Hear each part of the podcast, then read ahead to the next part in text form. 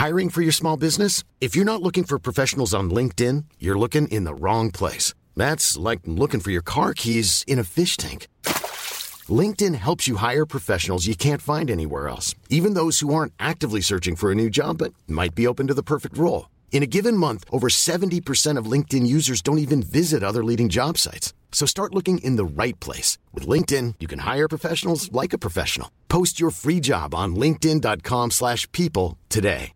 Hey, Dave. Yeah, Randy. Since we founded Bombus, we've always said our socks, underwear, and T-shirts are super soft. Any new ideas? Maybe sublimely soft. Or disgustingly cozy. Wait, what? I got it. Bombus. Absurdly comfortable essentials for yourself And for those facing homelessness. because one purchased equals one donated. Wow, did we just write an ad? Yes. Bombas. Big comfort for everyone. Go to bombas.com slash ACAST and use code ACAST for 20% off your first purchase.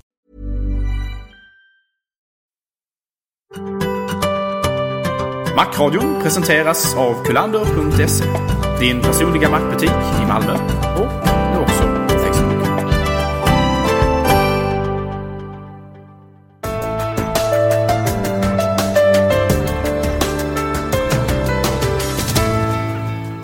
Hej och hjärtligt välkomna till Macradion. Och eh, sedan eh, det återigen var gått två veckor sedan vi spelade in så har det hunnit hända en del.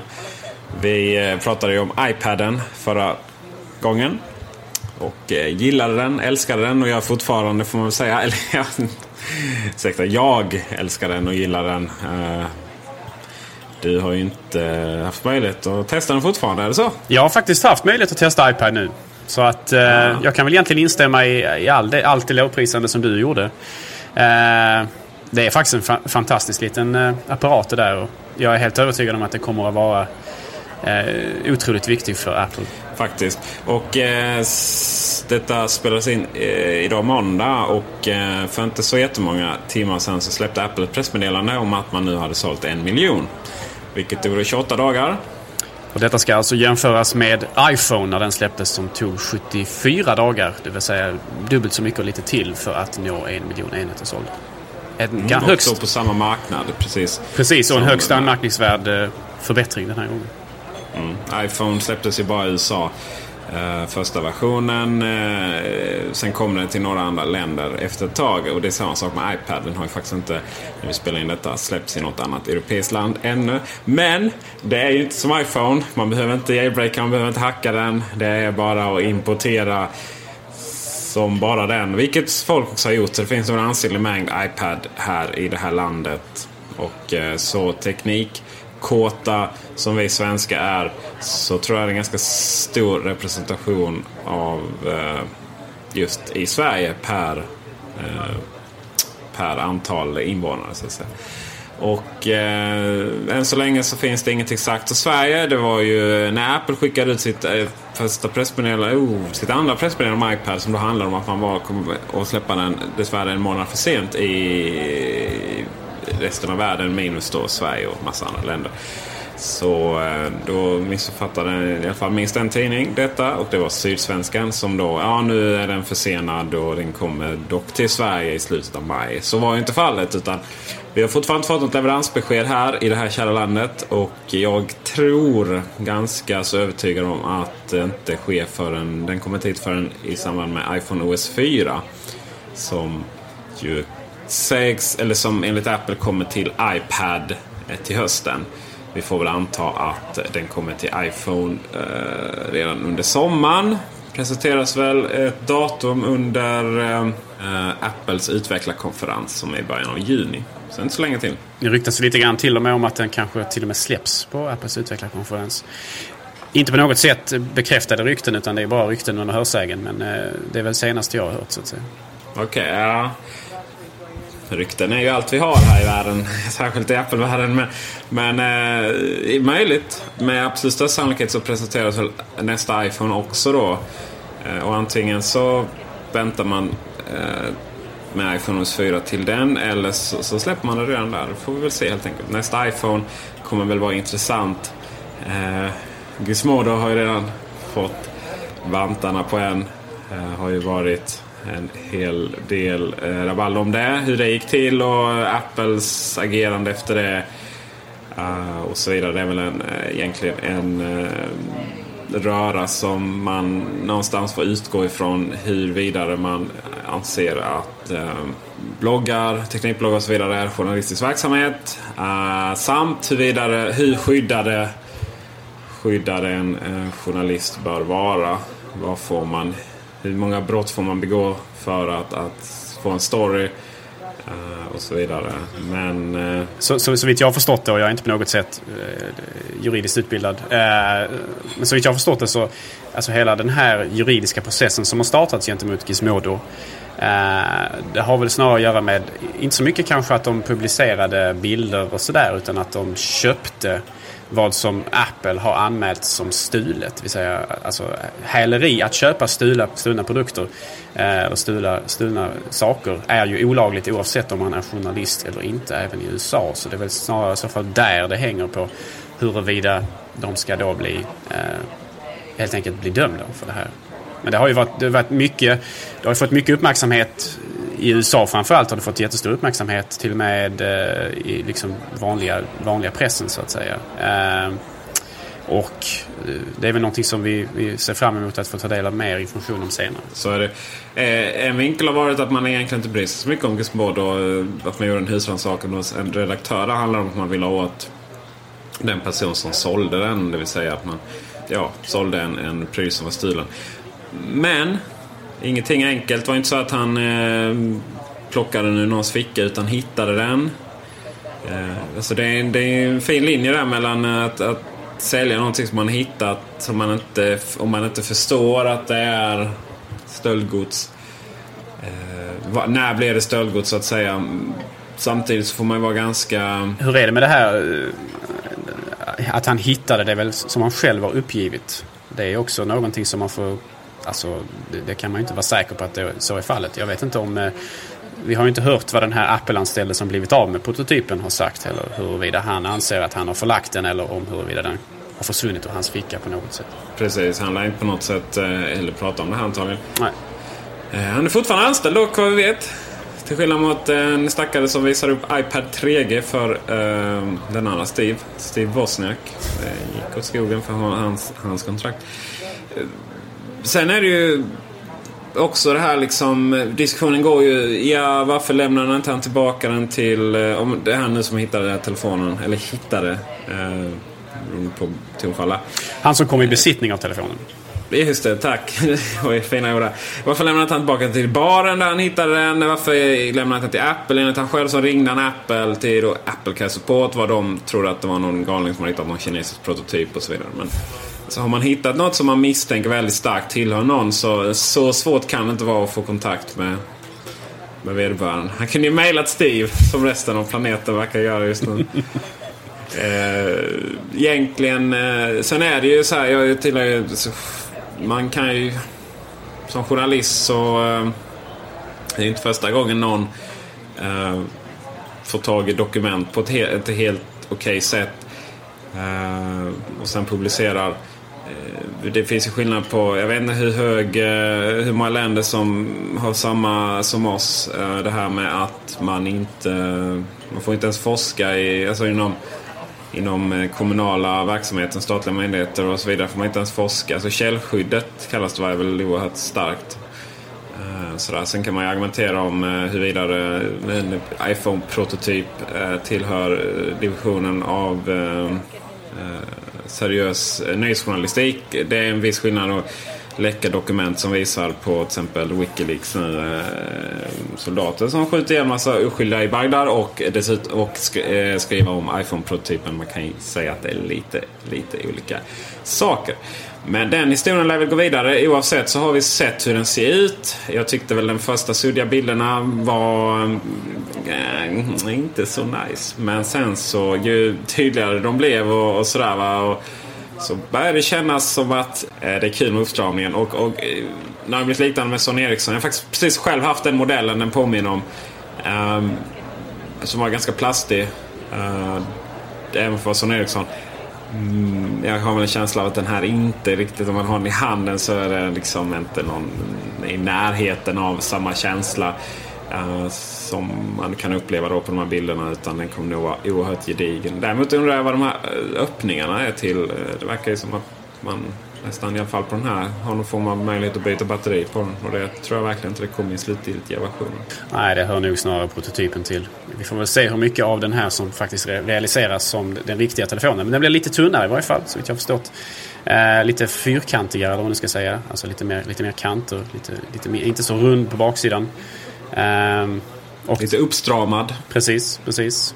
Eh, jag tycker det ser helt okej okay ut. Jag kan inte tycka så då när jag ser på bilderna att den känns mycket mer estetiskt tilltalande än den som vi har idag. Jag tycker den är väldigt fin den vi har idag. Just på grund av att den rundade formen så ligger den väldigt fint i handen. Eh, desto mer kanter man lägger upp till en telefon desto mer ligger den ju kanske svårare i just folks händer. Men eh, vi får väl se hur, eh, hur mycket av det vi har sett än så länge hamnar i den slutgiltiga releasen. Man kommer väl hålla den annorlunda möjligtvis. Alltså man håller den i kanterna på ett helt annat sätt. Nuvarande iPhone har man ju ett lite annat grepp. Man håller om, om baksidan mer. Och eh, det är ju ett grepp jag gillar. Det är väl lite som hur man håller äh, Magic Mouse här som jag har jämte mig nu. Att man håller den på kanterna med. Äh, alltså rundare, det här rundare som de kör med det är ju så jävla 2009 så det är skrämmande. Det känns oerhört gammalt. Eh, det är spännande här med också hur, vad, det för, vad det verkligen är för... Alltså mycket, mycket av den här går ju inte, faktiskt inte att ge på de här bilderna.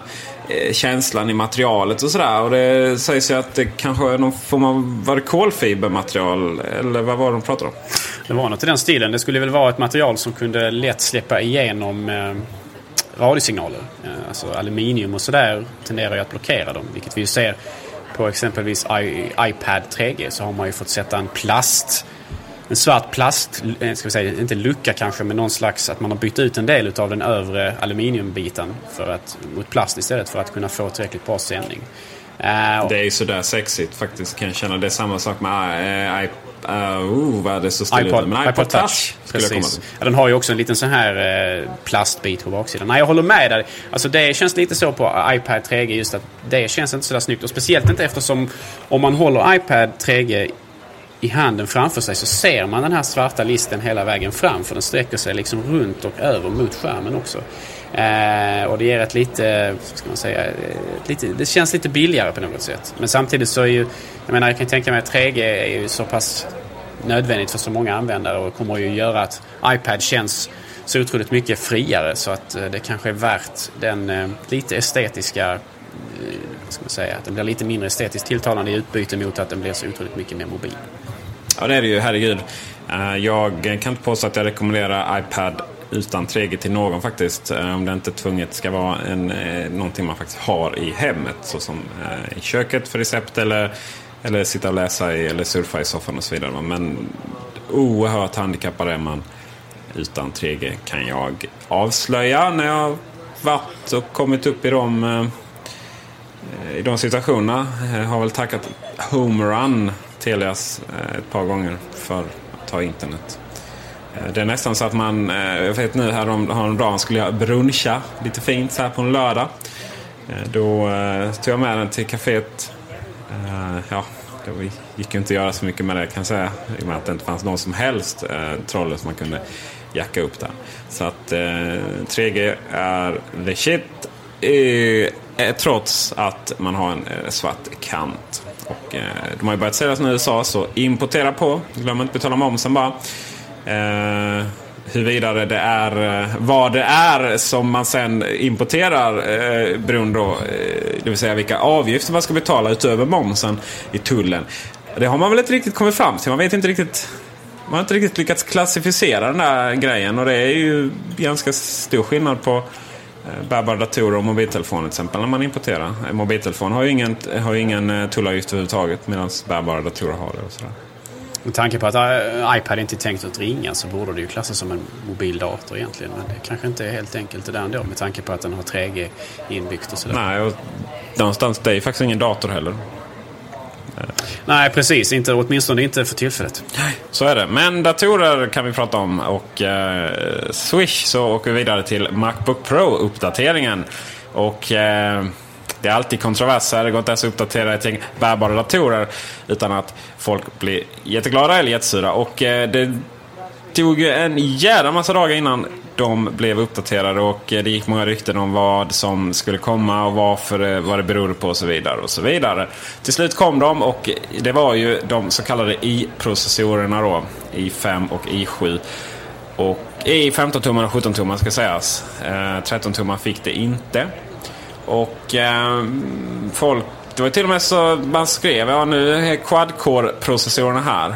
Uh, för att i Mac-världen så har eh, de här i-processorerna tack vare iMacen eh, blivit så förknippade med just eh, fyra processorkärnor. Men så var inte fallet. I alla fall inte till en början med. Aldrig är det lätt. Eh, egentligen Gabriel, vad, vad, vad handlar i 7 och i5 och i3 om egentligen? Alltså, det är ju naturligtvis betydligt snabbare processorer. Eh, jag är inte tekniskt, tekniskt kunnig för att egentligen kommentera på djupet i de här, i de här fallen. Men eh, det är, det är markant snabbare kontra Core 2 Duo. Det är en helt ny arkitektur. Eh, och det finns diverse tekniker då som uh, hyperthreading exempelvis som möjliggör att man får upp eh, prestandan rejält. Och det är ju någonting som människor saknar i 13-tummaren. Men samtidigt så Uh, har ju Apple kommenterat lite inofficiellt via Steve Jobs att man såg det som ett, ett, ett rimligt, uh, ska man säga, en rimlig kompromiss. Därför att 13-tummaren fick å andra sidan ett betydligt bättre grafikkort än vad den hade haft tidigare och att den prestandaförbättringen där är betydligt större än prestandaförbättringen hade varit med den eh, Core i-processorn som man kunde stoppat i en så pass liten dator och fortfarande behållit batteritiden. Dessutom, och man ökar ju batteritiden istället ju. Mm, precis. Och, det, och, man kan argumentera om mm, att, eh, den, att man har en sån liten bärbar dator har man för att den ska vara mobil och det är den ju onekligen. Så samtidigt kan man argumentera med att har man en ja, en 24-tums LED-skärm hemma det behöver inte vara Apple nödvändigtvis, men det är klart det ska vara det. Eh, och en på jobbet. Eh, och eh, då kanske man vill ha sin bärbara kraftmaskin i väskan mellan där och sen koppla in den för att få egentligen ha, ha en stationär.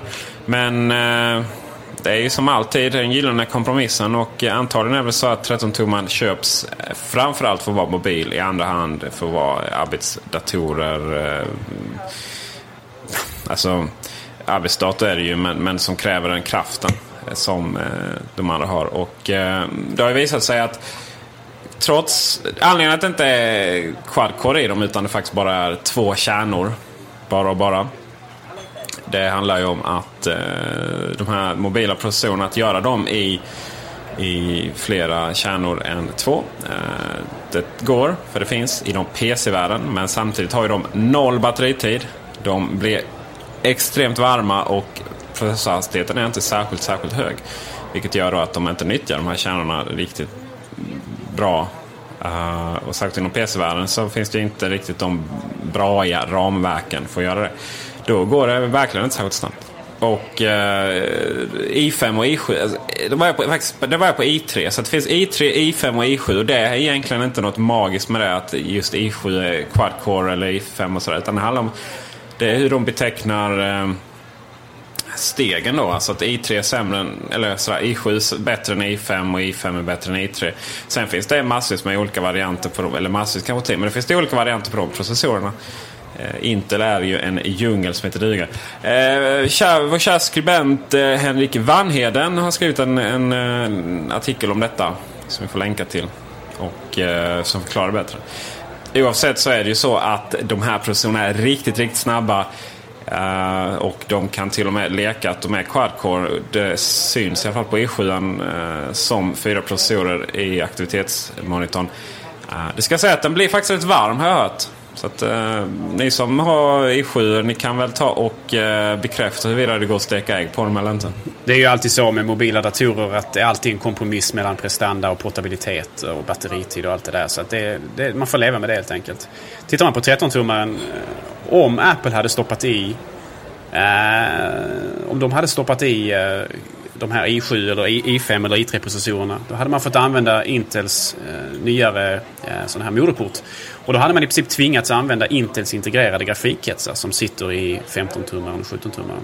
Eh, och det hade ju varit det enda grafikkortet i, eh, i den 13-tummaren istället. För där har man inte haft två grafikkort, kanske på grund av att den är så liten och sådär. Kräver mer kylning än vad den kan tillhandahålla. Och det innebär att då hade vi haft betydligt sämre grafikprestanda. Det eftersom man kunde stanna kvar vid eh, Core 2 Duo-processorn där så kunde man helt enkelt använda nyare, snabbare grafikkort från Nvidia. Någonting som inte tillåts av Intel på de nya eh, arkitekturen. Helt enkelt därför att man ligger i dispyt med Nvidia huruvida de har rätt att tillverka integrerade grafikkort till Intels senaste arkitektur. Det är lite, lite trist det där. Intel är väldigt eh, hårdhänt vid Nvidia där och eh, vill i princip se sina egna grafikkort i alla människors datorer. Eh, och det är ju naturligtvis förståeligt om vi tjänar mer pengar men samtidigt så, innebär, så, så gör man det på ett ganska fult sätt. Man liksom tvingar i princip eh, datortillverkare att eh, antingen välja Intels grejer vad gäller integrerade grafikkort på de nya processorerna eller så får man köra diskreta grafikkort vilket ju de flesta tillverkare trots allt inte gör. Och Apple på de stora datorerna, både 15 och 17, väljer ju att inkludera bägge. Så man har Intels integrerade grafikkrets och sedan så har man diskreta grafikkretsar från, från Nvidia istället. Diskreta, får gärna utveckla vad det betyder. Ja, alltså i, inte integrerad. Det är skillnaden. Integrerat grafik, diskret grafik. Diskret är alltså ett separat kort kan man säga. Som ja, ska man ju säga att diskret är något som är integrerat för att de är typ diskreta. Men nej, så är det inte.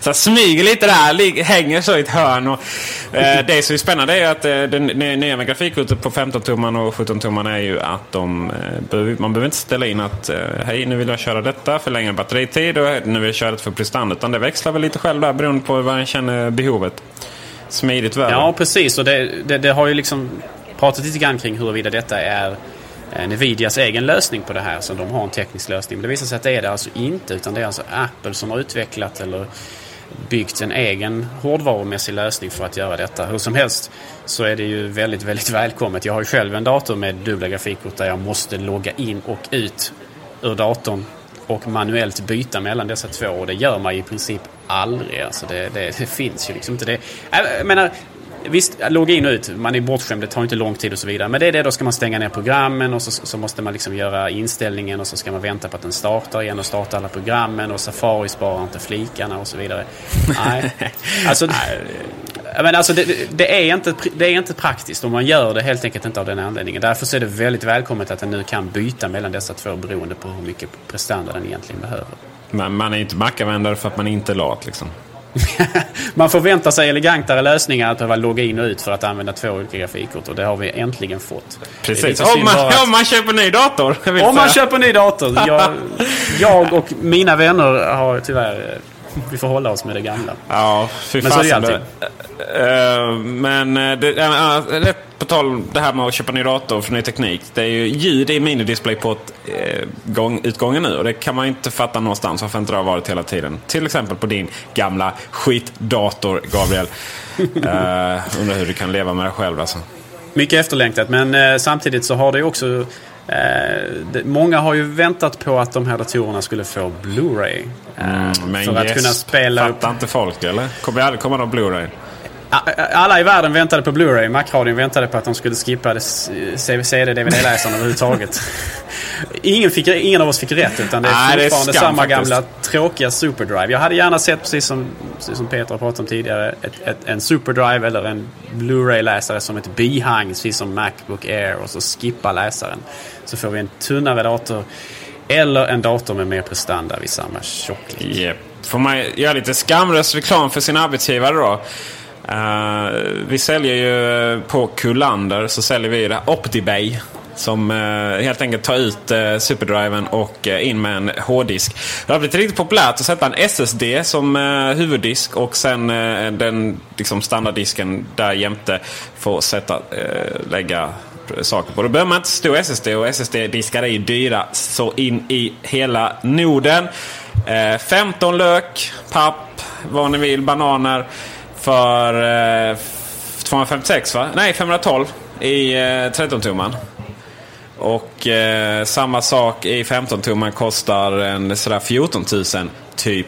Känns som att vi får göra en liten snabb koll här på detta. Eh, om, det måste ju vara 512. Och det är rätt häftigt faktiskt. E- SSD 512. Och förhoppningsvis så går de ner i pris snabbt som attan. Men eh, än så länge så är det Just det. 15 120 kronor för eh, 512 gigabyte solid state drive. om man har 13-tummaren. Och om vi då tittar på 15-tummaren här så har vi samma fashionabla lilla drive för 14 000. 40 kronor. Rätt ska vara rätt. Som hittat. 256 GB kostar 7020. Uh, inte helt okej det heller. Men 128 GB Solid State Drive 2160 kronor för 15 tummar. Och det är helt okej. Och så sätter man en eh, ytterligare 500 GB i superdriven. Så får man superdriven i ett litet chassi. Det är inte jättesnyggt men eh, ja, vadå? Man använder ju ändå den aldrig ändå. Eh, men tillbaka till mini DisplayPorten. Den har ju ljud ut. Eh, det betyder att du kan då ha en mini DisplayPort adapter till HDMI och sen HDMI vidare upp till TVn så får du ljud också. Men det som är viktigt att tänka på är att de flesta adaptrar som idag säljs inte har stöd för ljud. För det har inte behövts har man tyckt. Eh, för att Macen inte stött och så vidare. Det som jag inte visste är att iMacen har haft hela tiden. Ljud ut också. Det var... Men ser man? Nej, det visste ja. jag inte heller. Nej, det var nytt. Vad man inte är det har... alla iMacar eller är det bara... Man kan ju gissa på att det bara är 27 tummar men det kanske inte stämmer. Mm, nej, det är, nog... det är alla iMac helt enkelt. Kort och gott. Eh, det, jag tycker, det jag tycker är lite synd att man inte har det är alltså... Eh, vad kallas det? Ljud med bild, bild, förlåt, bild in på bärbara. Det hade varit så jävla optimalt. Till exempel alla, eh, alla som springer runt och konfigurerar Mac Mini Service nu för tiden. Eh, det är en populär liten rackare. Ja, eller vilken dator som helst som har en mini DisplayPort utgång, server, X-server. Så bara drar du in den i en eh, bärbar dator och så får du upp skärmen där. Det funkar inte. Inte aktivt. Jag vet inte om det är någon politisk grej eller om det är faktiskt någonting som, som kostar extra. Eller man måste ha... Det är klart det kostar extra. Uh, och något litet chip som fixar det. Men det kanske inte är så jättestort. Uh, men det har inte kommit. Intressant nog med den här adaptern också är att den som man får köpa då för att få ut både ljud och bild är att Apple kommer inte tillverka dem själv. Nej. De, inte sa, de var väldigt tydliga med det utan det får tredjepartstillverkare stå för det här istället. Så ni kan inte räkna med att köpa Apples eh, signaturvita eh, konverterare där utan det får bli någon annan tillverkare som står för det. Någon annan. Belkins signaturmjölkvita eller liknande. Uh, Moshi finns. Dr. Bott ska väl ha ljud vad jag vet. Man får ta en därifrån. Eh, det är en annan grej som för närvarande inte finns i de, några andra mackar heller. Inte ens som en, någon form av uppgradering. Det sägs väl att det egentligen bara handlar om mjukvara så att det skulle kunna gå att uppgradera även i, i din lastgamla dator där Gabriel. Vi får se. Nej. Det absolut viktigaste nyheten med de nya Macbook Pro-arna, om du frågar mig, det som jag har längtat efter mest utav allt, det är naturligtvis att möjligheten att få högupplöst skärm på 15-tummaren. Ett, en, en, en, ett tillval som har varit eh, som vi har väntat på väldigt, väldigt länge och som äntligen nu faktiskt är här. Jag har inte haft möjlighet att se 15-tummaren högupplöst ännu. Eh, men jag kan tänka mig att det är precis lika vackert och underbart som på 17-tummaren och den är väldigt mycket trevligare när man väljer den högre upplösningen på skärmen. Små ikoner. Det är tur att man har den gamla förstoringsmöjligheten på dockan då. Jag har faktiskt inte sett, sett det heller återigen, eh, Kullander vi har beställt in så vi ska sätta upp och se hur den ser ut. Eller så att Anna också kan jämföra. Eh, det blir nog väldigt smått. 17-tumman är riktigt liten. Eh, så den som vill köpa... Men har man bara, har man bara fullvärdig syn så, så är det klart att föredra. Mm, jo, men alla har inte det. Absolut inte. Därför så finns ju valmöjligheter. Mm, eh, det gör det ju. Fast inte på 17 tum. Eh, det är rätt roligt intressant. Det finns folk som köper 17-tummar för man tror att det är större skärm. Det vill säga då ser man bättre. Men så är det absolut fallet. Det, jag tycker det är lite konstigt att det inte finns en sån standardmodell med eh, high-res. Eh, faktiskt. Och eh, till exempel e i7 hade det kunnat vara det. 15-tummar. Du vet alla som är häftiga nog att köra är ju grafiker eller musiker eller något sånt där. Va? Riktig produktionsmiljö. Och då vill man nog ha high-res i alla sammanhang. Eh, skulle det vara så att man köper AG, det vill säga anti-glare, det vill säga matt skärm. Då, mina vänner, så är det alltid high-res. Och eh, i mitt tycke så är inte det, i och med att jag alltid sätter form före funktion, så är ju inte det jätte, jättesnyggt med anti-glare. Av den enkla anledningen att det inte är en svart ram på den. Men eh, låt inte det hindra er. Alltså jag har ju andra invändningar mot eh, den matta skärmen än, än, än, än, att det är silverram runt den. Men... ja, ja, låt höra. Nej men alltså eh, har man matt, jämfört... typ. Ja, men alltså, ja, tittar man på... Det blir ju alltså lite kornigare, det blir lite grynigare och jag kan tänka mig att det är ännu mer markant när man ser det med en så pass högupplöst skärm som 15-tummaren får då i det utförandet. Uh, att det, alltså, bildkvaliteten är helt enkelt sämre. Skärpan är sämre på de här skärmarna för att, på grund av att hur de bryter ljuset helt enkelt. På poängen med den här teckningen som de har lagt på är ju att man ska eh, bryta ljuset på ett visst sätt så att det inte reflekteras tillbaka på samma sätt. Eh, och det är, men, men jag kan förstå, behöver man arbeta med, i miljöer där man inte kan kontrollera belysning och så vidare så är det kanske att föredra ändå. De som har önskat att få tillbaka mattmöjligheten fick ju det tack och lov. Men eh, det var ju ett tag där som det såg ut som det skulle vara på väg att försvinna helt och hållet bara. Nu har det kommit tillbaka. Jag som trodde att det bara handlade om att man inte ville se någonting överhuvudtaget här i motljus. Då. Eh, det har, nej, skämt åsido. Det är väldigt snyggt med, med, med den snygga glare-funktionen. var någon som tyckte att det eh, kändes eh, som en billig PC. För de började ju med det ju. HP där. Och jag känner ju precis tvärtom. Alltså, det var väl egentligen det som gjorde att det var väl det enda som kändes exklusivt för de där plastiga HP-datorerna. Sen har ju eh. Apple valt en sån här eh, glare-skärm som har mindre reflektioner. Jag vet inte hur de har gjort det. Men alltså det finns, det finns, grad, det finns grader i helvetet om man säger så. Alltså det finns de som har betydligt mer reflektioner än andra. Och då är det naturligtvis kostar, de som har mindre reflektioner kostar mer. Men eh, alltså jag har en, en stationär skärm här hemma. En, en Dell-skärm faktiskt. Ja, stäm mig. Men jag har det. Och den har ju den här gamla matta, matta yt, ytbeläggningen. Och, och jämför man det med min Macbook Pro så känns det ju verkligen medeltida att sitta vid den här delskärmen. Alltså, för det är verkligen inte fint om man jämför. Alltså, färgerna är sämre och, och det är kornigare bild och allt det här. Nej, jag föredrar mycket frågan är, frågan är ju då, vad händer med Macbook Air egentligen? Alla förväntade sig, eller rätt sagt, jag förväntade mig eh, och med det så resten av världen att eh, Macbook Air skulle få en liten, liten smärre uppdatering. Kanske lite billigare SSD. Eh, kanske en svart skärm, kanske runt så. Men framförallt så in i uppenbart 4 gig RAM-minne. För de där två kommer man inte långt med. Men ja, det har inte hänt någonting. Och, och kanske en, en, en, en, en, en, en pekplatta som är modern. Alltså som inte har en diskret knapp. Det, det, det, tycker jag är det värsta med allt med Macbook Air. Att den fortfarande har en fysisk knapp. Ja, Istället för att ha den här, ja herregud. Att den, den känns lite gammal, känns den. den. den. känns som den saknar kärlek. Den behöver uppdateras, den behöver uppmärksamhet. Apple överger inte Macbook Air. Det är fortfarande en alldeles utmärkt maskin för de som behöver ultralätta datorer. Ja, det är en fantastisk maskin och det är i samma division som 17-tummar. Det var ju sånt, eh, nu är inte jag, nu är jag ju inte Mac-taliban. Jag är ju bara stort fanboy av Apple och dess datorer. Så jag kan ju då, eh, kan, jag, jag, kan ju inte bli så jätteupprörd när, när tidningarna skriver om att Macbook Air är en flopp. Däremot kan jag känna att det eh, sticker till lite i hjärtat kanske. För Macbook Air är ju ingen flopp. Eh, det har väl aldrig tänkt att Macbook Air ska vara en stor säljande mainstream-dator. Precis som 17-tumman inte ska vara det. Man har den där på grund av att man vill positionera sig i ett segment. 17-tumman för det finns de som vill ha en större skärm. eh, och mycket kraft. Eh, detta är den mobila ljudstationen. Eh, den säljer crap. Den säljer jättedåligt. Uh, om man ser till uh, exempel man går in på uh, Amazon.com och kollar liksom försäljningslistan. Men Macbook Air säljer bättre. Och uh, det är ju det för att precis motsatsen till vad man behöver i, som en stor mobil redigeringsstation. Så kan det också vara så att man behöver det absolut lättaste, enklaste datorn man kan ha med sig i väskan. Och där är ju Macbook Air. Och det finns väldigt många som har det. Jag är själv stolt ägare som sagt. Eh, men eh, det som folk kanske är lite oroliga ja, vad händer med Macbook Air nu när iPad finns?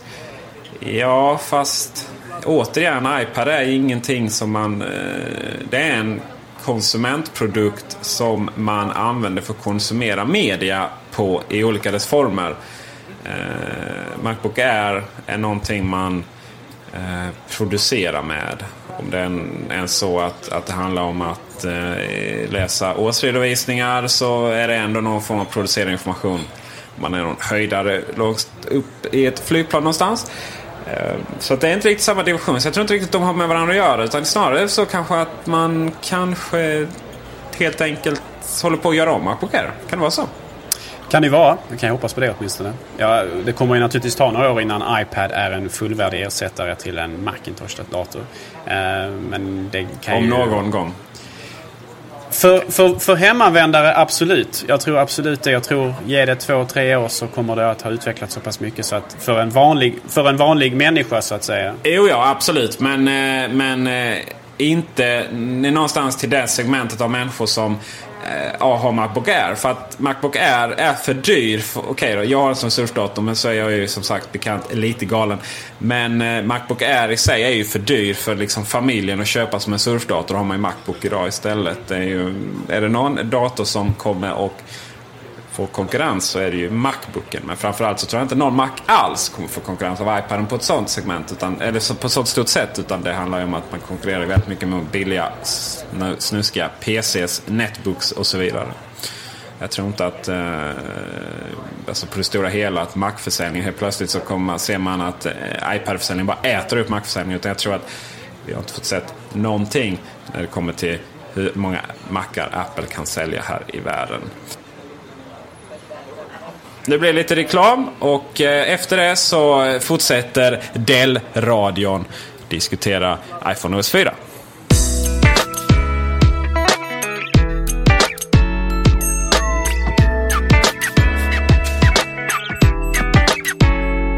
iPhone OS 4 presenterades för några veckor sedan och eh, det kom ju det som eh,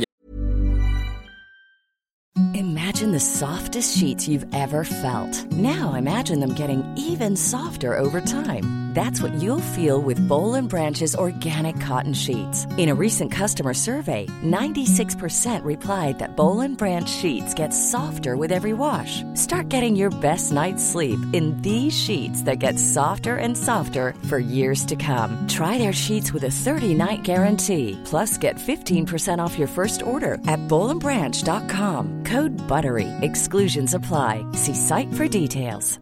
Hey, I'm Ryan Reynolds. Recently, I asked Mint Mobile's legal team if big wireless companies are allowed to raise prices due to inflation. They said yes. And then when I asked if raising prices technically violates those onerous two year contracts, they said, What the f are you talking about, you insane Hollywood ass? So to recap, we're cutting the price of Mint Unlimited from $30 a month to just $15 a month. Give it a try at mintmobile.com slash switch. $45 up front for three months plus taxes and fees. Promo for new customers for limited time. Unlimited more than 40 gigabytes per month. Slows. Full terms at mintmobile.com. Hey, it's Paige DeSorbo from Giggly Squad. High quality fashion without the price tag. Say hello to Quince. I'm snagging high-end essentials like cozy cashmere sweaters, sleek leather jackets, fine jewelry, and so much more. With Quince being 50 to 80% less than similar brands. And they partner with factories that prioritize safe, ethical, and responsible manufacturing. I love that. Luxury quality within reach. Go to quince.com slash style to get free shipping and 365-day returns on your next order. quince.com slash style. Hiring for your small business? If you're not looking for professionals on LinkedIn, you're looking in the wrong place. That's like looking for your car keys in a fish tank. LinkedIn helps you hire professionals you can't find anywhere else, even those who aren't actively searching for a new job but might be open to the perfect role. In a given month, over 70% of LinkedIn users don't even visit other leading job sites. So start looking in the right place. With LinkedIn, you can hire professionals like a professional. Post your free job on linkedin.com slash people today. Wow. Nice. Yeah. What you're hearing are the sounds of people everywhere putting on Bombas socks, underwear, and T-shirts made from absurdly soft materials that feel like plush clouds. Yeah, that plush. And the best part? For every item you purchase, Bombas donates another to someone facing homelessness. Bombas. Big comfort for everyone. Go to bombas.com slash ACAST and use code ACAST for 20% off your first purchase. That's bombas.com slash ACAST. Code ACAST. Ja, vi fick ju rätt. Det var ju multitasking som var den stora grejen. Uh, ursäkta mig, det kanske inte är multitasking på riktigt. Men det är multitasking som fungerar, typ. Uh, det var väl för och nackdelar med det. Eh, som vi, som vi diskuterade innan så handlar inte multitasking på iPhone om att kunna ha igång en massa program samtidigt. Utan det handlar om att helt enkelt kunna ha igång tjänster samtidigt. Så som Spotify i bakgrunden. Och uh, det är väl egentligen ett av de få exemplen som jag kan tänka mig. Det och RunKeep till exempel. Även program som har med väckningsfunktioner att göra är naturligtvis oerhört viktiga att de kan köra. Vakna som ni vaknar på morgonen menar du? Precis, exempelvis programmet Awaken som har en applikation både till iPhone och till Macen. Är alldeles utmärkt program på bägge plattformar. Åh fasen. Det kan man ska kolla. Uh, nu har jag ju inga som helst problem att gå upp klockan sex varje morgon och uppdatera altomac.se. Uh, det har jag faktiskt, dessvärre. Uh, och det, det, det har blivit förvånansvärt lite kritik mot Apples så kallade multitasking. Kan man tycka. Det finns en massa förstå sig på det som ja, förstå sig på saker. För vad det handlar om är att det är, programmen är inte igång egentligen utan det är bara de enskilda tjänsterna i programmen som är, det behövs vara igång. Typ musik, Spotify, eh, GPSen i fallet eh, TomTom, eh, Runkeeper och så vidare. Eh, och eh, det funkar alldeles ypperligt. Det är precis det som, som jag har sagt. En annan sak som vi har konstaterat, eller som Peter S har konstaterat. Eh, jag känner mig extra narcissistisk i det här avsnittet faktiskt av någon anledning. Eh, det kanske för att det är vår. Jo, eh, det som jag har konstaterat är ju det här att när man sitter och spelar och eh, för att det ska bli den ultimata spelmaskinen så måste man kunna fortsätta precis där man stannade förra gången. Det vill säga man sitter och spelar och så ringer svärmor och frågar någonting. Eh, och sen så när man har pratat klart där efter en timme, halvtimme, timme så eh, tillbaka till spelet igen och så eh, eh, vill man fortsätta precis där man var. Och det är ju, så har det varit i vissa spel har klarat det, men inte långt från alla. Men nu liksom garanterar Apple det. Och eh, det är ju nice. Kan man tycka. Eh, push notification är väl det som man fortsätter med eh, till exempel chattprogrammen och sådär. Och det är väl en lösning som... Ehm, ja, det är väl den sämsta av dem alla kanske. Men, men rent generellt nu. Nu kommer programmen att fungera i, i bakgrunden så som vi alla har velat och så som alla har gnällt. Om, så det blir väldigt spännande faktiskt. Just när det sen kommer till iPaden så är det rätt intressant för att eh, hur kommer multitasking funka där? För där blir det ju så att man Eh, där blir det så att eh, till iPhone så har man tjänsterna igång i bakgrunden på sitt sätt. Men på iPaden så sitter man kanske och jobbar lite mer på ett annat sätt. Och då vill man ju till exempel ha med sin chattlista igång kanske vid sidan om. Eh, på ett helt annat sätt så som man har inom datormiljön. Chattprogram vill man ju ha igång. Man kanske till och med vill se dem. Man kanske till och med vill se vem som är inloggad på dem och så vidare när man arbetar med andra program. Det är det du vill ha sagt. Det är precis det jag vill ha sagt. Och det är ganska intressant metafor då. För att idag när man, när, när man kör Eh, till exempel mail i upp, uppåt rätt läge. Eh, då har man den här lilla drop-down-menyn där. Så det är ett väldigt smidigt sätt att, till exempel, att lägga på. Jag vet inte om, de kommer säkert fixa det snyggt för att det är ju så att de fixar ju precis så som vi brukar vilja ha den. Även om det ibland tar lite tid och det är för övrigt något som vi ska diskutera här inom några minuter. Eh, men, i, men i övrigt utifrån liksom hur iPad fungerar så, så tror jag, tycker de har löst multitasking riktigt, riktigt bra. Eh, riktigt, riktigt bra eh, faktiskt på, på det hela taget. Uh, en annan sak som då kommer liksom automatiskt in i, i detta då, men väldigt mycket annat, det är det här att inga flash på våra iPhones. Och då tänker jag inte på Safari alls. ja, just det. Tummen upp där. Då tänker jag inte på flash i Safari och sånt där eh, värdelöst. Eh, utan då tänker jag på att man inte ska kunna trycka på en knapp i CS5 Flash. Eh, C, oh, CS, vad blir det? Adobe Flash CS5 blir det. Just det.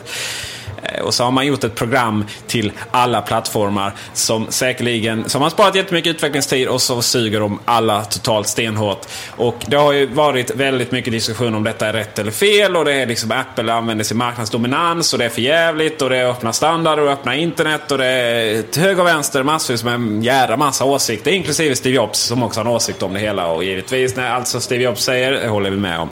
Bortsett från vissa detaljer. Vad jag tror det handlar om är och, och nästa jag svarade handlade om Flash på webben då. Man har inte pratat om det faktum att man inte vill tillåta Flash-program, eller program skapta av eh, Flash eh, på iPhonen. Det har man faktiskt inte kommenterat så mycket om. Eh, det har gått väldigt mycket åsikter isär om det. Vad är Peter Esses åsikt då? Eller vad är Macrons åsikt ska vi säga? Jo, givetvis att det är skitbra att vi slipper se de här värdelösa hemska programmen på App Store. Och jag tror inte det handlar om att man vill ha någon marknadsdominans, att man liksom vill hämnas på Adobe för att de alltid har ignorerat Mac-användarna när det kommer till Flash. Eh, vilket vilket i och för sig kan vara en diskussion för det kan vara inte så att Apple har varit så samarbetsvänliga. Men, vad är det egentligen så att handlar det inte givetvis om att Apple vill kontrollera utvecklingsmiljön för att man enkelt ska kunna implementera sådana saker som multitasking och det bara funkar på alla, alla program. Man vill kunna implementera sådana saker som voiceover och det funkar på alla program. Eh, och så vidare och så vidare och så vidare. Är det inte, är det inte väldigt mycket enkelt det det handlar om? I grund och botten, absolut. Eh, alltså först och främst om vi återgår till Steve Jobs eh, thoughts on eh, Flash. Alltså det här brevet han publicerade han pratade ju kanske inte direkt om program så, men han, han pratade just om att, att Apple inte tillåter flashprogram. eh, eller flashkompilerade program på iPhone helt enkelt därför att eh, Helt enkelt därför att, precis som du säger, att man vill inte ha ett mellanlager mellan programmet eller spelet och eh, plattformen som det kör på. Alltså, om man läser brevet så ser man att en av hans viktigaste punkter just är just det att, att Apple inte vill ha någon mellan, ett mellanlager där. Helt enkelt därför att om Apple implementerar en nyhet, en teknisk innovation i det understa laget på plattformen så kräver det att man väntar på nästa lager, det vill säga exempel i det här fallet då Adobe, men det kunde varit andra, andra tillverkare också. Finns ju andra tillverkare också eh, av sådana. Precis.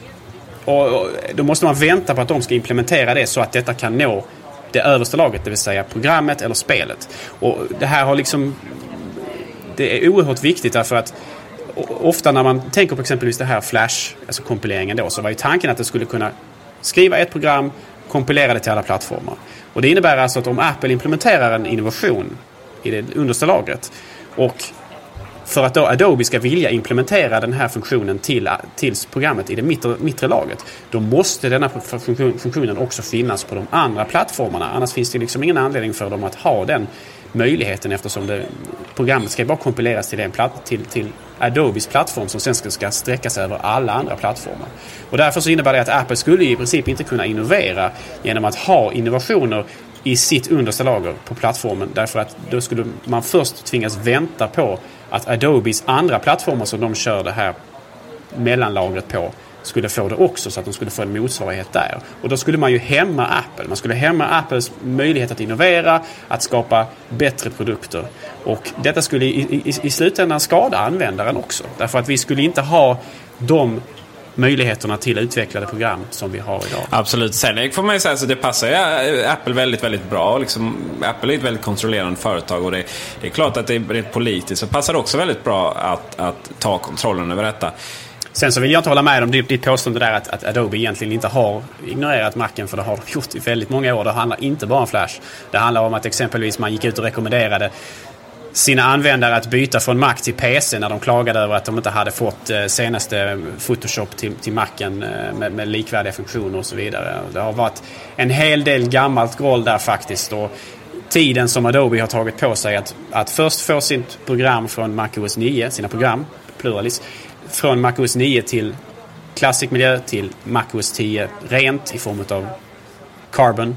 Och nu naturligtvis när man precis har lyckats få dem från Eh, carbon till någon slags Coco-miljö som man nu med CS5 där man har fått 64 bitars stöd då. Någonting som man krävs, som ju kräver att man har Coco-programmering så att säga.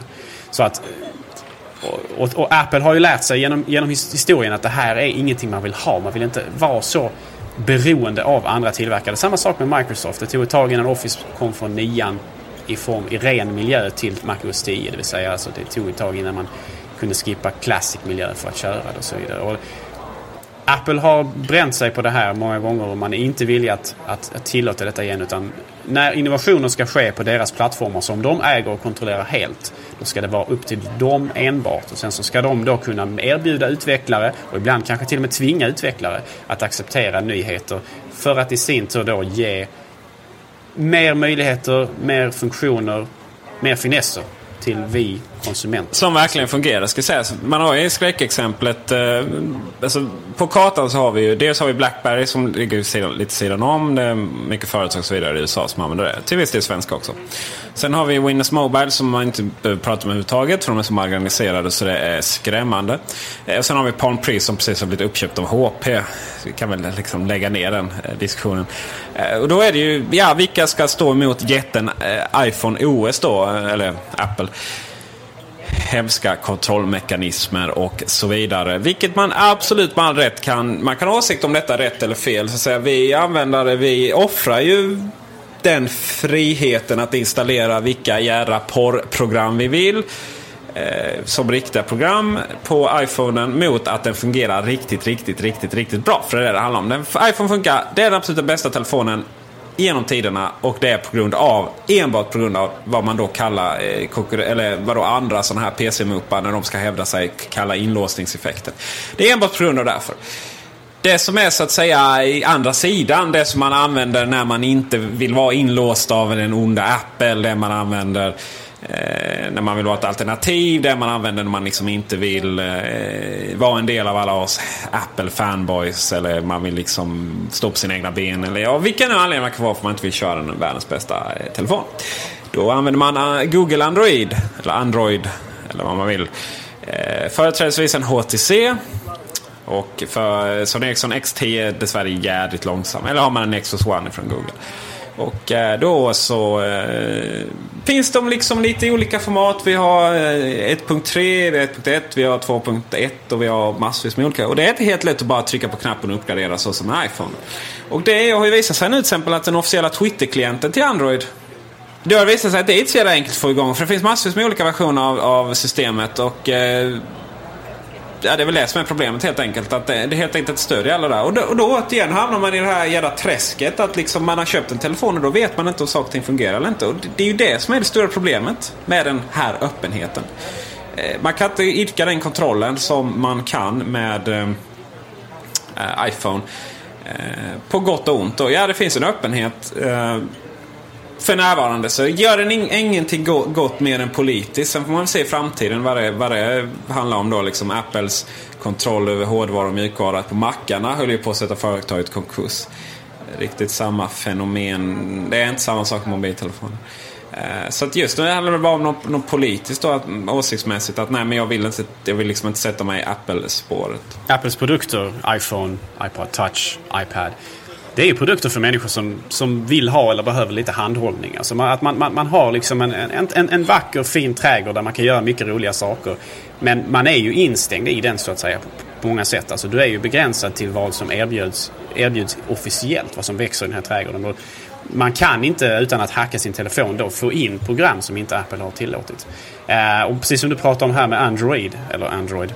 Alltså de har ju många stora problem med just att, att operativsystemen har, kommer i olika versioner och har man köpt en telefon en gång så är det inte alls säkert att man kan uppgradera den till nyare versioner. Inte därför att hårdvaran inte stödjer det utan därför att det, det hänger på teleoperatören, lustigt nog. Äh, om de ska kunna skapa en, en specialgjord version utav Android, låt säga 2.1 för en äldre telefon eller inte. Och oftast har ju lustigt nog teleoperatörerna många gånger inte, inte någon större incentiv eller anledning att vilja. Alltså lägga, spendera resurser på att uppgradera en telefon som kanske släpptes och såldes för två år sedan.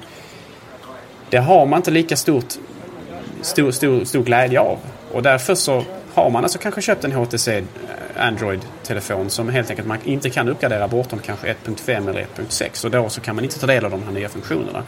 Och det är ett jättestort problem för Android. Det kommer att bli värre. Jag, jag tror att Google har ju sett detta att detta är ett problem och man börjar liksom göra, agera i frågan för att få det att bli bättre. Därför att den stora tjusningen med Apple är just det att har du köpt en iPhone så, så har du ju möjlighet att uppgradera den väldigt, väldigt länge. Du behöver inte vänta på Telia eller Telenor eller vad det nu kan vara eller någon annan tillverkare att, att de ska specialanpassa programmet. Utan det sköter Apple helt och hållet. Men när Apple skulle släppa App Store från början då fanns det ju krav hos eh, exempelvis AT&T eh, att de skulle eh, få kontrollera alltså den här App Store. Att de, att, att, att de skulle ha möjlighet att att de själva skulle, att operatörerna skulle sköta det här med program själva. Uh, jag, jag, jag, jag, jag, är lite osäker på hur, hur förhållandet var där mellan Apple och AT&T men jag vet att det varit det på andra telefoner åtminstone. Uh, att de har helt enkelt krävt att om du ska släppa program till en telefon, alltså telefonen som kom innan iPhone, så, så, skulle detta då gå genom operatören istället. Så att de skulle ha egna App Stores istället för att då utvecklaren av telefonen hade det i det här fallet som Apple då gjorde. Precis, men det har ju alltid varit så. Dels alltså, när man köpte Sony Ericsson-telefoner, dels köpte man Sony Ericsson-telefoner och man hade tillgång till deras konstiga, sådär, det fanns ett Java-spel och något sådär, men det liksom var olika på olika telefoner. Och dels så fanns det ju de här operatörerna skulle sätta sitt skal på sitt och köra sin affär och så vidare. Men det, det blev ju aldrig liksom rätt. Och man ingen aning om vad man hade för telefon. Om man skulle ha real tones eller midi tones eller vad fasen allting man skulle ha. Liksom. På den tiden så gick det ju inte att installera ner, ner så mycket grejer. Uh, jag menar innan iPhone kom så fanns det ju inte sådär liksom, ja, jo, Symbian hade väl lite nedladdning och så vidare. Men inte på den nivån som det finns idag. Och, men enda sättet äh, äh, Google kan liksom styra upp det här, liksom uppdatering och så vidare. Det är ju att, att sköta det själva. Men då helt plötsligt kommer den här kontrollen som användarna är så rädda för att Apple har.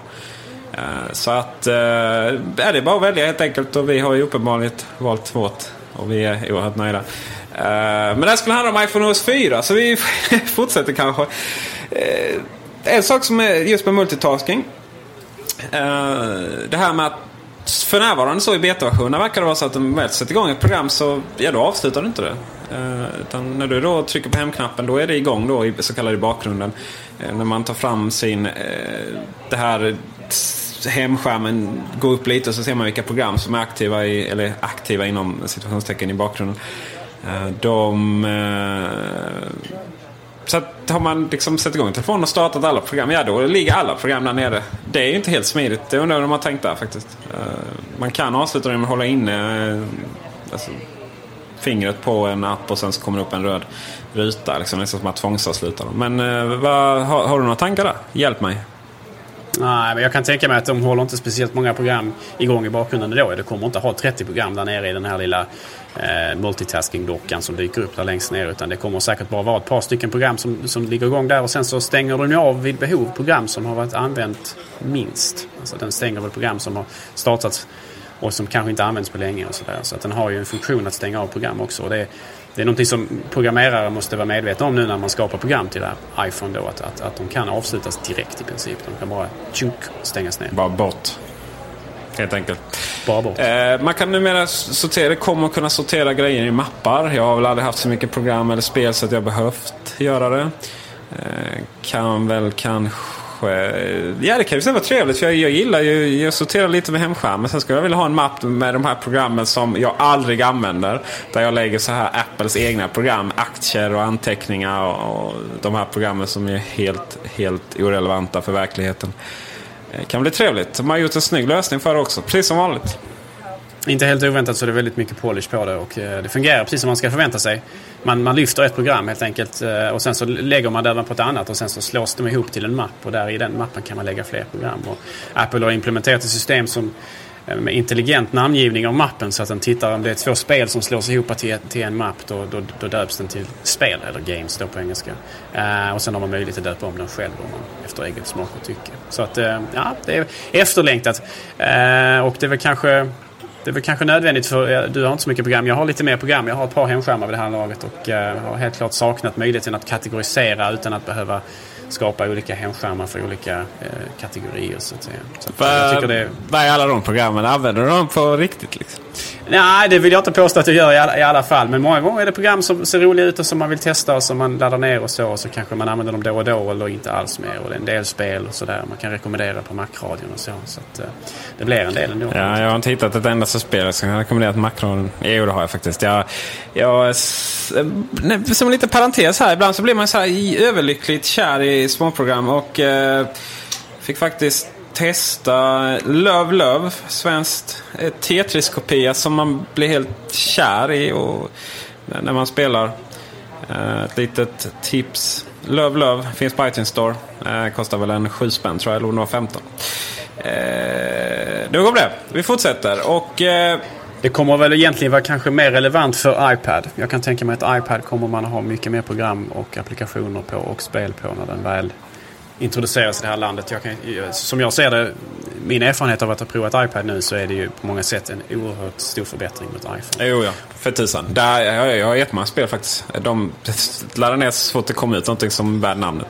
Det är ju en helt, helt annan grej, iPad. Uh, och idag fick jag äntligen tag i ett fodral till den också. Jag har faktiskt lyckats repa den. Uh, jag har inget fodral till min iPhone. och Ja, skriker tyst Man ser faktiskt bara repan i solljus och när uh, den är av. Typ. Men, uh, var försiktig med iPad för tusan. Är det repa på glaset eller på baksidan?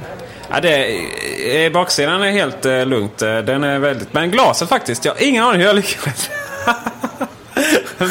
nu så jag inte ser Gabriel här så skriker han i tystnad som om... Ja, det är lite kul. Är det Så att det är för tusan. Det gör mig ont och det är inte ens min iPad. Är liksom. den är inte, det är så stor skärm och jag fattar inte hur det gick till. Jag hade den i väskan liksom. Det... Vi går vidare. När vi ändå pratar spel så Game Center är ju oerhört intressant faktiskt. Det, kan, det, det har ju varit ett stort problem att eh, man inte riktigt har... Eh, alltså det finns så mycket spel och det är så enkelt att göra till en och, och sådär. Va? Och detta, trots att man snart kommer ta bort eller redan har gjort alla Flash-spel. Eh, Gameset kommer vara oerhört, intressant just det här att man ser vad ens kompisar håller på med och, och vad de gillar. Och det tror jag kommer vara ett jättebra, jättebra, riktigt bra sorteringsfunktion faktiskt. Jag hoppas att det blir en intressant community baserat kring då spelen och eh, och, och de här funktionerna. Mm, och, och, det har ju funnits, det finns ju, det har jag ingen aning om förrän de sa, började prata om det, att det finns ju, finns ju rätt många sådana här spelnätverk och så vidare. Men det är ju olika för olika spel, man vet ju inte, det finns så mycket olika applikationer och spel så man vet ju liksom inte riktigt vad ens kompisar hittar på Men återigen, centraliseras runt Apples kontroll så här. Underbart. Eh, underbart, jag ska skriva en bok om det, ska heta 2010. Eh, då, det är det som gäller och därmed så, eh, Eh, så hittar man, man vet att när Gabriel sitter och spelar sina konstiga eh, riskkopior där så eh, ja, då kan jag få tips från honom.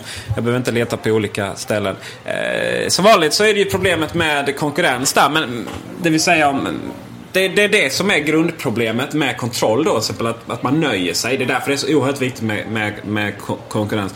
Och det har vi väl egentligen tagit upp så många gånger så vi inte behöver göra det. Men eh, där tror jag att man behöver inte riktigt vara orolig att Apple nöjer sig eh, med det. För att det finns alltid Nintendo och PSP som jobbar stenhårt med att liksom bräcka, eh, bräcka allt vad som iPhone eh, har kommit med iPod Touch och App Store. Eh, man har inte riktigt lyckats. Vi har minst en lyssnare som eh, går igång kommentarerna varje gång vi har tagit upp det här och kritiserar oss för hur, hur tusan kan vi jämföra de här grejerna. Ja, det är väldigt enkelt. Vi jämför dem på det sättet att kontroller är inte AIO utan vad det handlar om är storheten med spel på App Store. Eller storheten med spel på iPod Touch och eh, iPad nu. Det är App Store. Det är så enkelt att få hem dem. Och man har inte den lösningen eh, idag på Nintendo eller PSP kan jag säga fortfarande. Även om man försöker. Och man kommer säkert jobba jätte, jätte, jättehårt med att bräcka Apple på detta. Och Apple kommer säkert jobba jätte, jättehårt med Game Center för att bräcka dem. Och så där har man den här konkurrenssituationen som är så underbar. Och därför kommer Game Center bli riktigt, riktigt bra. Faktiskt. Och för, eh, för eh, for the record så att säga så kan man ju säga så att det finns väldigt många spel där dedikerad hårdvara med hårdvarukontroller är att föredra framför touchscreen-baserad spel som exempelvis då spel till iPhone och iPad. Så det, det, är helt klart så att handkontroller, alltså de här handhållna spelen med riktiga fysiska kontroller är överlägsna på många sätt. Precis som en handkontroll till en eh, som en handkontroll till en, exempelvis en Xbox är, är klart överlägsen på många sätt. Och precis som en, en datormus och ett tangentbord är överlägset Absolut. spelandet på eh, konsoler på många sätt. Men samtidigt så är det ju det, det som är storheten med iPad är liksom att det finns överallt. Tillgängligheten på spelen. Det kommer, den kommer att vara väldigt, väldigt stor spelmässigt. Helt otroligt. Mm, det är det. Och det är, det är App Store det handlar om. Och det som i många fall så, är App Store det liksom överbryggar allting annat. Och, men, men, som du säger, alltså det finns spel som passar bäst till PS, eh, Mac, eh, PC. Det finns spel som passar bäst till konsol. Det finns spel som passar, men faktiskt som passar absolut bäst till iPad också. För den är stora skärmen och man styr. Eh, till exempel en sån sak som att eh, Ta Red alert har ju alltid varit datormus och eh, tangentbord. Eh, har ju inte funkat så bra på konsol. Eh, funkar inte så bra på iPhone. Men det funkar jätte, jättebra på iPad faktiskt. Eh, just för att liksom, strategi med händerna när den är som bäst. Eh, skjutarspel, eh, Halo-kopior funkar inte så bra liksom. Och, ja. Eh, men samtidigt så finns det hjälpfunktioner. Till exempel spelen då. Eh, Real Racing som är ett riktigt bra spel. Det, jag tror det är det. Eller om det är Asfalt Asphalt 5.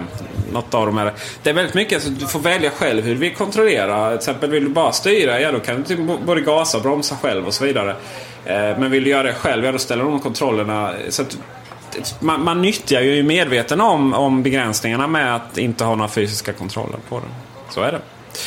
Och sist men eh, kanske inte minst ändå från iPhone OS 4-eventet så är det naturligtvis Apples släpp eller introducerande av iAd. Som Apple karaktäriserar som en ny annonseringsplattform för App Store. Det vill säga möjligheten att man via Apple själva då kan få eh, reklam i sina program helt enkelt som användaren kan ta del av. Och det är då alltså reklam som inte kanske påminner så mycket om textlinkar från Google eller eh, AdMob-reklam. Banners och liknande. Utan... Banners som är helt jävla ointressant om man klickar på. Vem fan som klickar på banner i, i ett, i ett iPhone-program liksom? Inte medvetet åtminstone, utan där i värsta fall så får man ta del av det genom att se dem och sen så skyr man dem. Men tanken här är då alltså från Apples sida att man ska kunna innovera även inom reklambranschen. Att man ska skapa något nytt då med interaktivt innehåll och och det ska vara liksom ganska så skräddarsytt till användaren baserat kanske på vilka program som finns installerade och så vidare. Vi får väl se hur, hur det utvecklas. Men det var ju eh, det var liksom väldigt kännbart på scenen att det här var väldigt, väldigt viktigt för Apple och Steve Jobs. Och man, man, man kunde verkligen, verkligen känna att de var, kände spänningen för detta. Så detta är nog någonting som kan påverka priset på AAPL, det vill säga Apples aktiekurs, positivt under de kommande åren. Och det är naturligtvis också ytterligare en front i kriget eller konflikten eller vad skärsmytslingen eller vad man nu ska kalla det mot, mot Google. Ja, alltså det kommer bli väldigt spännande. Eh, liksom välproducerad reklam är ju intressant. Till exempel eh, eh, reklam för IKEA-kök i, eh, i ett receptprogram. Eh, där man kan... Där reklam, alltså programmet kan man säga det. För det, det handlar ju om att egentligen skapa program i program. Eh, det kan ta över intresset egentligen från originalet. Sådär. Jag kan verkligen tänka mig just IKEA-kök, hur, hur, man kan använda iPaden till. Och helt plötsligt sitter man där och, och, och byter färg på köksluckorna när man egentligen skulle liksom göra kvällsmaten och sådär. Det kan jag verkligen se. Och, eh, så det handlar om att iAds är ju det är ju lite teknik, det vill säga enkelheten att lägga in HTML. iAds rent tekniskt handlar ju om att lägga in webbappar som det är i i program på App Store. Jag bara bara det är väldigt viktigt att det handlar om program på App Store. Det handlar inte om att vi helt plötsligt ska ha reklam i var och varannan program. Liksom så fort vi ringer så kommer det upp reklam. Så det var ju någon som trodde det och gud vad hemskt. Det handlar inte om det. Det handlar om alltså, ett program som är gratis på App Store. Det är nog inget som innan att man lägger in i betalprogram heller. Men någonstans så är det ju liksom en ja, tillgång och efterfrågan. Man får välja mellan ett betalprogram utan reklam och ett betalprogram med, program, eh, med reklam som har samma funktionalitet och samma kvalitet. Då väljer man givetvis utan reklam. Så. Utan det handlar ju om i gratisprogrammen. Och, eh, det handlar ju rent tekniskt om att lägga in webbappar eh, som gjorda i HTML5. Det vill säga eh, man kan typ förändra världen i princip. Det är ju en teknik som är så oerhört hypad utan att egentligen någon kan programmera i det som inte är webbutvecklare. Eh, men väldigt mycket mer handlar om att skapa liksom kvalitet. Till att börja med så är det ju Apple som ska både sälja in och skapa dem. Men sen kommer man ju visa eller sen kommer man ju släppa utvecklarverktyg för och så vidare. Men, men eh, där handlar det så väldigt otroligt mycket om att skapa reklam som är kvalitativ. Och det är ju raka motsatsen till Googles hemska textlänkar. Precis. Och eh, alltså integrationen här är otroligt viktig och elegansen. Och Apple har ju verkligen satt ribban högt vad gäller de här annonserna också. Det, det, har ju ryktats om, eller rättare sagt man har väl pratat lite grann med de som har pratat med Apple i sin tur. Eh, och Apple kräver rätt så mycket pengar för att få deltaga i den här nya iAd-kampanjen så att säga. Åtminstone från början så kommer det kosta ganska mycket pengar. Det har ryktats, upp, eh, ryktats om uppemot en en miljon dollar eh, för att få deltaga. Bli en av de väldigt få som får alltså ha iAd-reklam från början. Exakt. Uh, det ska bli väldigt spännande. Äntligen kanske man uh, hittar innehåll, även reklam, som är intressant. För det, var, det är ju så liksom att reklam, alltså Apple-reklam på en Apple-sida är ju betydligt mer intressant än en, en HP-reklam på en Apple-sida som jag fick en gång via Tailsweep. Eh, och det är ju så att hitta, hittar man, var man hittar intressant innehåll så är reklam också trevligt. Precis. Istället för att göra reklam i blindo som exempelvis på TVn där man bara får liksom reklam för medeltittaren snarare än då än för en själv. Eh, så skräddarsytt är väl framtiden även där kan tänkas. Så det, jag, jag tror, en sak som du var inne på här också som jag tror, eller tror och hoppas på vad gäller just Apple. Det är att man tar sig i kragen här nu och faktiskt ser till att HTML5 blir tillgängligt för människor som även Även för människor som inte behärskar programmering då, eller webbprogrammering om vi ska kalla det det.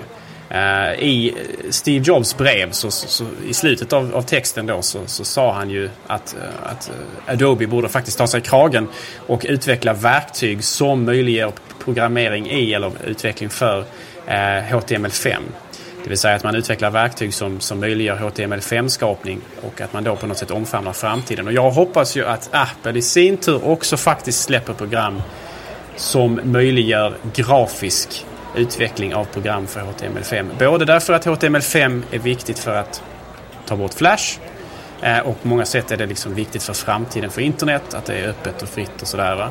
Men också precis som vi var inne på här nu att HTML5 kommer ju att användas för att utveckla i iAd och då så tror jag även där att Apple inte är villiga att överlämna så pass viktiga verktyg enbart i händer på konkurrenter eller andra företag som man inte kontrollerar. Utan jag tror att Apple är på väg att utveckla en programsvit eller ett program åtminstone som möjliggör webbutveckling via HTML5. Jag tror och hoppas detta.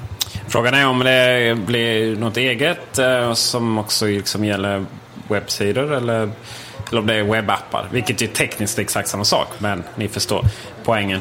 Eh, sen, man har ju Xcode idag ju. Mm, där kan man ju redan idag utveckla webbappar. Det var ju så man började.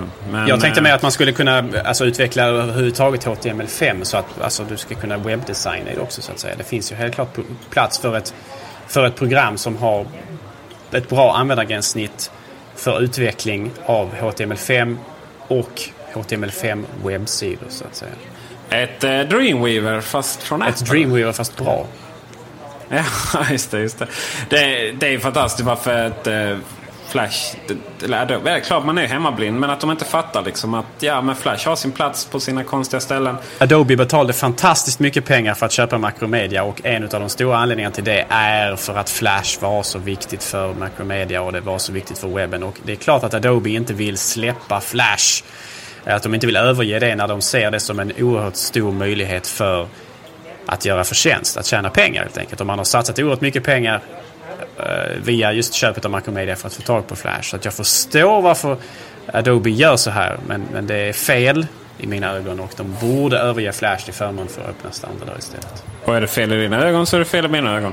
Och då är det fel helt enkelt. Eh, lite andra smågrejer, fast inte så små. Eh, en inbox som kombinerar alla inboxar. Det är ju fantastiskt konstigt att inte det har kommit förrän nu. Det kan inte vara så svårt. Men det betyder jättemycket faktiskt. Jädrar vad sur jag bör, eller vad jobbigt det är att pendla mellan fyra jädra mailboxar som jag har just nu. Eh, privat, Altomac, Mac. Eh, ytterligare en Altomac och sen mitt jobbmail. Eh, en sak som eh, varit lite fundersam över är varför man inte jag kunde ha fler exchange-konton. Men det kommer man få nu. Eh, och det är ju riktigt, riktigt trevligt. Eh, till exempel om man, det är nämligen så att om man kör Google Web Apps eh, för, Eh, heter det va? Google, oh, det står det still i huvudet. Men man kopplar sin domän helt enkelt och får en Gmail, man får kalender och man får lite sådana saker. Eh, och ska man in på iPhone smidigt så eh, då är det Exchange som gäller. Har man då en Exchange från jobbmailen så ja, då har det varit ett problem. Man kan inte ha både och. Men det kommer man kunna nu i framtiden. På tal om Exchange eh, Gmail, molnet och så vidare, och så vidare så är det ju intressant att se vad Apple är i, eh, i de här sammanhangen. Och eh, ja, det är precis det som nästa avsnitt av Macradion kommer handla om. Som kommer precis förhoppningsvis släppas om en vecka om allt går som det ska. Om Gud vill det. Ha det bra. precis. Om Steve Jobs vill det. Ha det bra. På återseende. Stort tack för att ni lyssnar. Hej då.